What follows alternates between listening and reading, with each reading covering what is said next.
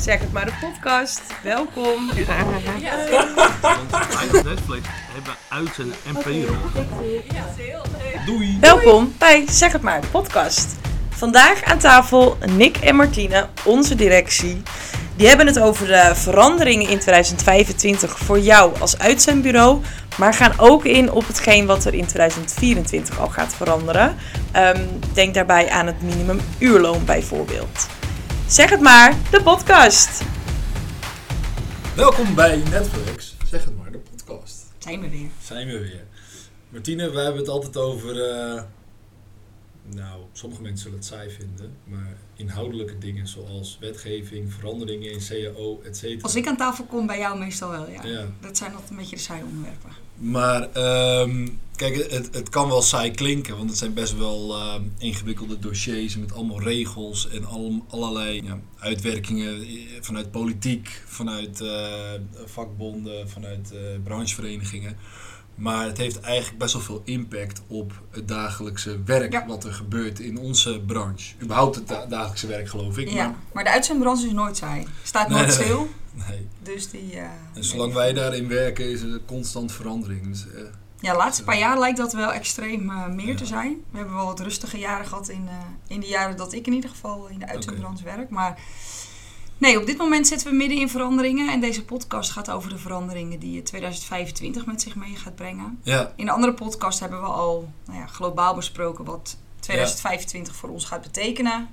In heel Nederland. En nu gaan we kijken 2025, maar we, we, zouden nog even een klein dingetje uit 2024 benoemen. Oftewel klein, maar eh, dat is dus al over zes maanden. De Ja, invoering van eh, het wettelijk minimum Uurloon. uurloon. Ja. Hè? Ja, goed, Ja, klopt. goed op denken, want het, het klinkt wel bekend, maar het is Ja, wet, ja, wettelijk minimumloon klinkt heel bekend. Ja. En eh, dat wordt elke keer op 1 januari en 1 juli keurig gepubliceerd. Van nou, dit zijn de minimumlonen. ja, en die worden dan altijd als een maandloon eigenlijk gepubliceerd. En die reken je dan keurig terug naar je CAO. mhm. En eh, de meeste cao's zijn 38, maar je hebt ook 40-urige cao's, 36.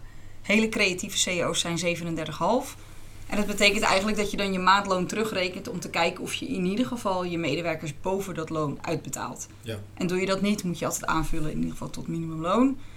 En we krijgen straks eh, vanaf volgend jaar, dus over een half jaar in 2024, krijgen we een minimum uurloon. En dat betekent eigenlijk dat het dus eh, niet meer teruggerekend hoeft te worden. Dus dat is iets heel makkelijks. Ehm, alleen, eh, ja, even het, het positieve praktische.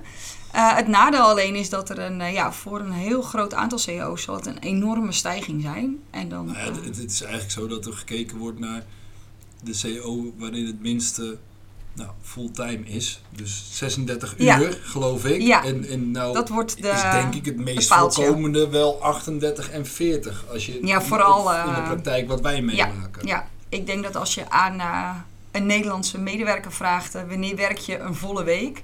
dat iemand af zal zeggen, nou ja, 8, 8, 8, 8, 8, 40... Of dat Ja. sommige medewerkers misschien zeggen... nou, ik heb een luxe, want ik mag een keertje twee uurtjes ergens opnemen... en dan heb ik een, een kortere dag. Ja. Nou zie je tegenwoordig ook wel dat, dat, dat, dat ja, sommige mensen fulltime werken 36 uur, 4 keer 9, dat Ja. soort dingen. Maar goed, eh, Ja. uiteindelijk is het wel 38 en 40 komt volgens mij gewoon het meeste voor. Maar terug naar het minimumuurloon, dat, dat is dus, wordt straks gelijkgesteld aan het 36 loon. Ja, en ehm, hij, ga, hij is 1 januari omhoog gegaan. Hij gaat nu 1 juli omhoog. Ja. Straks 1 januari weer. En ja, dan streven we denk ik af op een eh, minimum uurloon naar om en nabij de 14 euro. Ja, en als je dan, eh, nou, we zitten vandaag eh, nog een paar dagen voor 1 juli. Eh, volgens mij 38 uur is op dit moment 11,75. Ja, die gaat naar 12,12. 12,12 en eh, om en nabij de 14 euro betekent tot eh, anderhalf tot, tot 2 euro Stijging. En Ja. dan daaroverheen nog je werkgeverslasten en dergelijke. Eh, ja, als je hem vanuit de werkgever bekijkt, eh ik bekijk komt alles vanuit. de- komt die er zeker nog bovenop. ja, Ja, het is wel uiteindelijk ligt de gedachte jaren geleden, eh, Europese eh, afspraken met elkaar, ja, dat we in Europa ja, richting dat uurloon willen. ja. Duitsland die heeft een paar jaar terug al echt die stap gemaakt. Die zat Ja. vorig jaar of het jaar daarvoor al op eh, 12, bijna 13 euro. Eh, Ja, maar nou, dat is natuurlijk het lastige dat, dat de, veel mensen die nu denken, joh, ik betaal mijn medewerkers toch wel een euro of anderhalf euro boven het minimumloon. Ja, die zijn dus ook aan de beurt straks. Eh, ja, is, dat is ergens wel een beetje afhankelijk. Want net wat ik aangaf, hè, het is het minimumuurloon. Dus dat moet je minimaal betalen. Ja. Ehm, je hebt cao's die staan verder gewoon stil. Ja. Dus uiteindelijk kan het minimumloon ja, een deel, zeg maar, jouw onderste lagen gaan Mhm. opeten. Maar dat doet niks met de bovenste lagen. Ja. Eh, je hebt ook cao's die hebben een bepaald percentage. Dus die zeggen, nou, die schaal dat is 10% boven het minimumloon of 11% Ja, ja, boven het minimumloon. Ja, die gaan heel hard mee. Eh, uit mijn hoofd, de schildersbranche, die heeft een paar jaar terug afgesproken dat elke stijging die er op het minimumloon is, die gaan zij ook doen. Dus ja, die zal bijvoorbeeld dan heel hard gaan. De kans is alleen wat je wel ziet nu, bijvoorbeeld bij de minimumloonstijgingen al, dat heel veel cao-partijen om tafel gaan.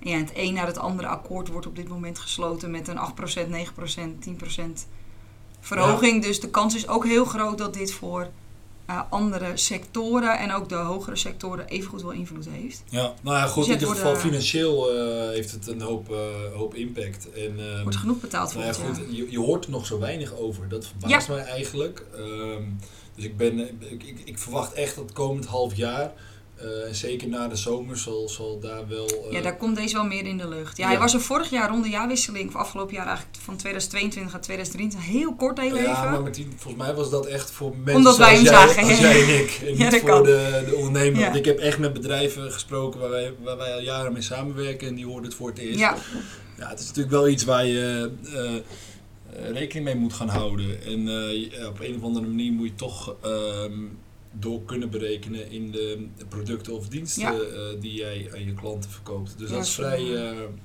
ja, dat is een forse opgave, denk ik. zeker, zeker. Ja. Hey, ehm, dan zoomen we even uit en dan verder. komen we zo twaalf maanden verderop weer, weer, weer terug in het verhaal. 2025. Ehm, ja, we, we hebben er al eerder wat over benoemd. Ja, we hebben het- we hebben- certificering uitzendbureaus. Voor over de uitzendbureaus en dat... eh, Zeg ik het dan wel goed? Certificering uitzendbureaus. Moet ik certificering ter beschikking van personeel Ja, dat is het eh, uiteindelijk. Ja. Ik denk dat een heleboel ehm, luisteraars, maar ook lezers van onze blogs, et cetera, misschien zich niet zo snel aangesproken voelen. Want die denken, nou, ik, ik heb geen uitzendbureau. Eh, maar het geldt ja voor iedereen die dus iemand uitleent. En het kan ook zijn dat jij dus een administratiebureau bent, Ja. eh, maar die wel mensen eh, ja, tijdelijk ergens neerzet en daar een factuur voor stuurt. Detachering of, Ja. of iets in die trant. Ja, hoor daar allemaal onder. En we hebben een paar jaar terug wel gehad dat je je dan zo moet inschrijven in de Kamer van Koophandel. Ja. Doet ook niet iedereen. Dus de vraag is even Nee, van, nee. ehm, weet, je, weet, weet iedereen het? Maar het is, ja, voor iedereen die zich, of die mensen ter beschikking stelt. Ja. valt hieronder. Um, nou was er een, um, een voorstel gemaakt Ja. door uh, de minister en zijn achterban. ja, ambtenaren, zeg Ja. maar, het ministerie.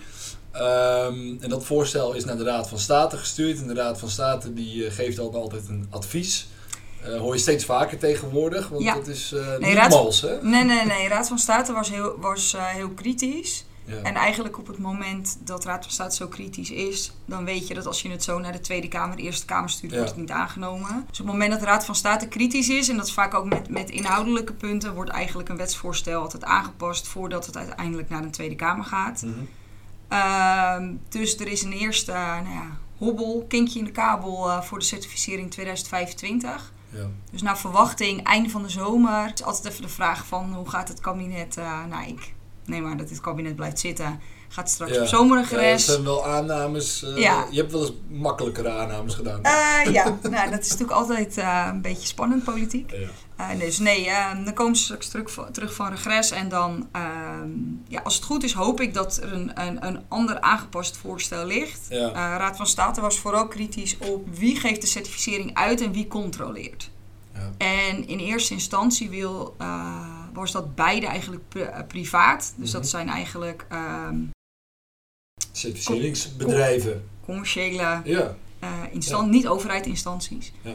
En er wordt nu eigenlijk gekeken van, is een combinatie wellicht mogelijk? Dus dat het publiekrechtelijk wordt gepubliceerd. Dus eigenlijk dat het ministerie verantwoordelijk is voor het uitgeven van de Mhm. certificaten.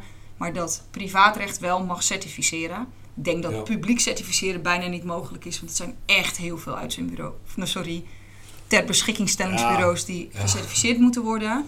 Ja. Ehm, gebeurt nu natuurlijk ook al privaatrechtelijk, dus dat kan Ja. denk ik wel. En dan de uitgifte. eh, alleen in welke combi of wie wat waar, die, die, dat is nog niet de- bekend. ik heb daar eigenlijk niet veel van gehoord, maar met deze, er wordt dus nu gewerkt aan een vernieuwd of, of Ja. aangepast voorstel. Ja, dat hoop ik wel. Eh, ja, daar zal de komende tijd wel meer duidelijk over Ja. worden. Ze zijn daar achter de schermen erg, erg eh, druk mee. Ehm, maar dingen als die waarborgsom eh, en dergelijke, dat blijft overeind. Ja, daar, is- nou, daar staat in zoverre niet. eh, de, de kritische noten liggen meer op, het, eh, hoe, op hoe. Dus de werking en, en wie, dan, dan puur die inhoud. Kijk, die waarborgsom, daar is in eerste instantie al een beetje over gesproken. Van Mhm. is dat dan een bankgarantie? Maar dat wilden dan de banken niet. Ja, en dus er is wel. Dus die vorm, ik denk dat die vorm, dat ze die ook iets minder spannend vinden, omdat dat er uiteindelijk wel goed komt. Hm. Ehm, uiteindelijk hebben ze wel gezegd dat je bijvoorbeeld jaar je NEN moet hebben. Ja. Eh, als dit voorstel na de zomer naar de Tweede Kamer gaat, denk ik dat 2025 niet haalbaar is. Nee, nee, maar goed, dat is, dat is niet zo heel ingewikkeld. Want als jij de, de- na de zomer eh, dan gaat de Tweede Kamer er wat mee doen. En dan op een gegeven moment gaan ze stemmen. Maar dan gaat er best wel een periode overheen. Dan komt er de Eerste Kamer en dat soort dingen. En dan Ja. De Eerste Kamer, nou dan zit je sowieso al ergens in 2024. Ja. Ja, dan gaan ze niet binnen een paar maanden in laten gaan. Dat nee, is, maar eh, er zijn ook wel eens ja. wetsvoorstellen eerder heel snel er doorheen geduwd. Dus eh, ja, geen garantie. Heel, heel recent, pensioen Ja. volgens mij hè? Ja, dus ook voor best degene- impact weer op de uitzendbranche met Ja, ik zou ieder- pensioenvrije instromen en dergelijke. Zeker, maar ik zou nu niet adviseren van... Oh, er zit nu een kinkje in de kabel of een hobbeltje. Dit duurt zeker nog een jaar. Dat zou, Ja. niet, dat zou ik niet per definitie zeggen. Alleen, ehm, dus dan vraag is alleen van of je dan straks vijf jaar je NEN moet hebben. Ja. Want ik proefde wel een beetje dat ze het wilden doen voor degene die op het moment van het voorstel het zeg maar goed deden. Ja, Ja, hoe later je natuurlijk ja. zou het kunnen dat... Oké. Maar dat Nou, goed, altijd we even gaan, het, eh, we gaan het zien. Ja, dus voor de Ehm, uitzendbureaus die, eh, ja, die nu denken dat ze niet aan die eh, normen voldoen, ja, probeer in ieder geval zo snel mogelijk eh, daarbij in de buurt te komen, zodat je straks wel je certificering eh, behaalt. Ja. Ehm, ja, hou verder Maar goed, ook aan de eh, alles andere de kant is natuurlijk als inlener, hè, dus, dus met een uitzendbureau werken ook goed om in de gaten te Ja. houden. Eh, Met wie je werkt, Ja, ja. ja. want als je nu met een partij werkt die niet zijn certificering heeft, dus, dus op dit moment is dat bijvoorbeeld de SNA en, en, en bijvoorbeeld een lidmaatschap van ABU, MBU, et cetera. Ja goed, dan, dan schat ik wel in dat het iets moeilijker wordt om uiteindelijk die vergunning of dat certificeringsding te halen tegen die tijd. Ik vraag me altijd af wat, waarom een uitzendbureau nu geen NEN zou halen. Wat de reden, wat de reden daarvan is. Nou, ja, Eh, ik, ik heb me wel eens laten vertellen dat er 12.000 uitzenders zijn. Ja. Of tenminste eh, mensen in onze tak van sport. En dat er misschien 2000, 3000 eh, ja, ja, ja, die, ja, Dus, nou, die, die zijn ABU-lid. Ze dus- zullen of daar een MBU-lid. wege reden voor hebben. Ja, weet je, dan denk ik, wil je niet op die radar komen? Kan je niet op die radar komen? Vind je het, eh, ehm, vind je het duur? Weet je, zijn het hoge kosten en zeg je nou, die wil ik niet maken? Kijk, wat het nu nog wel als inlener of als klant zeg maar is, dat als jij, nou ja, keurig hè, je, ehm, als iemand ni- niet NEN gecertificeerd is, dan mag je ook 55% op de G-rekening Mhm. storten en je doet de WADI-check. Dus je kijkt of iemand goed staat ingeschreven in de Ja. Kamer van Koophandel. Dan ben je als inlener, nou, heb je je zaakjes op orde. Hè? Komt er Mhm. dan uiteindelijk eh, een belastingdienst of een andere keuringsinstantie die zegt, nou, dit is één groot zootje wat het uitzendbureau ervan heeft gemaakt. Ja. Dan kan je zeggen, ja, nou ja, ik heb als inlener het eigenlijk gewoon hartstikke goed gedaan. Dat is straks wel voorbij. Dus Maar klanten voor mij van is het zelfs ver- verboden om te werken met een partij die dus niet die certificering heeft. Ja, Dus, straks. Straks eh, krijg je ja, echt, ja. echt boetes. Ja, of dat nou 25, 26 is, maar goed, eh, dat, dat, Hij dat komt wordt er in wel ieder geval, streng. En ik ja, op zich dat dat wel een goede zaak is om de hele keten daarvoor verantwoordelijk te stellen. Nou, dat denk ik zeker, want uiteindelijk wil je de uitzendkrachten die in die keten werken Ja. beschermen. En als er iemand in die keten, nou ja, eigenlijk er onderuit kan komen, dat is natuurlijk wel... eh, Oké. Hey, en dan hebben we nog een eh, onderwerp wat ook eh, in dat jaar ehm, ja, weer. eh, eigenlijk, eigenlijk zou- terug op de agenda staan. ja, nou, het, het staat constant op de agenda en ik ben er ook zelf wel sceptisch over. Soms dat, dat weet je. Ja. Maar ehm, ja, het Ja. ZZP-verhaal. en, en daar komen nieuwe, ehm, eh, eh, ja, daar komt nieuwe wetgeving voor. Maar een van de dingen hadden we een aantal jaar geleden, de, de DBA heet die, geloof ik, die wet. ja. Ehm, ik vind het eigenlijk knap dat ik hem nog ken, want eh, destijds was het een heel groot ding. Maar volgens Ja. mij heeft sindsdien iedereen dat ergens ver weggestopt, inclusief de partijen die, die het controleren. Ja, die hebben zelf Eh. gezegd, eh, we controleren niet. Ja, Ja, nou, dus moet je nagaan. Dus je bedenkt Ja. een wet en je gaat het niet controleren. Nou prima, maar ergens is handhaving natuurlijk een, een onderdeel van een wetgeving. ja. Ehm, nou is het zo dat ze gezegd hebben dat, dat er weer gecontroleerd gaat worden. Daar hebben ze ook 2025 voor uitgetrokken. Ja, Alleen daar moeten we nog nou ja, de eerste voorstellen van zien. oké. Dus de vraag is even, wanneer gaat dat hetzelfde dan? riedeltje in Tweede Ja, wanneer gaat dat dan uiteindelijk naar de Kamer? Ja. Ehm, alleen, het, ja, het is niet een, een lopende band dat iets als eerste gaat. En ja, eh, wetsvoorstellen kunnen elkaar ook gaan inhalen. De minister Ja. heeft zelf natuurlijk al gezegd van ja, ik ga gewoon doen wat als eerste klaar is. Dus wellicht komt eh, ZZP als eerste klaar. Alleen om eh, in deze Hoor je het pod- zelf? Eh, nou, weet ik niet. Om in deze podcast meer van... Stel je voor dat jij nu een uitzendbureau bent en jij Ja. bemiddelt ZZP'ers. Ja, dat, dat zou dus kunnen zijn dat dat straks ook in ieder geval moeilijker wordt. Of dat, dat zelfs ja, dat ZZP in de branche waarin jij ZZP'ers bemiddelt niet meer kan. Nee. Dan kom je vooral in die inbedding van... Ja, in de horeca is het niet logisch, niet normaal dat een medewerker bediening een ZZP'er is. Nee. En als dat nu jouw core business is, Ja, dan zou ik zeggen, joh, 2023, 2024 kan je dat misschien nog prima doen. ja. Alleen kijk Ja, wel wel- voor vooruit naar je, naar je model. Van ja, Ja. kan, kan ik dit ook, is dit ook 2025 proef? Ja.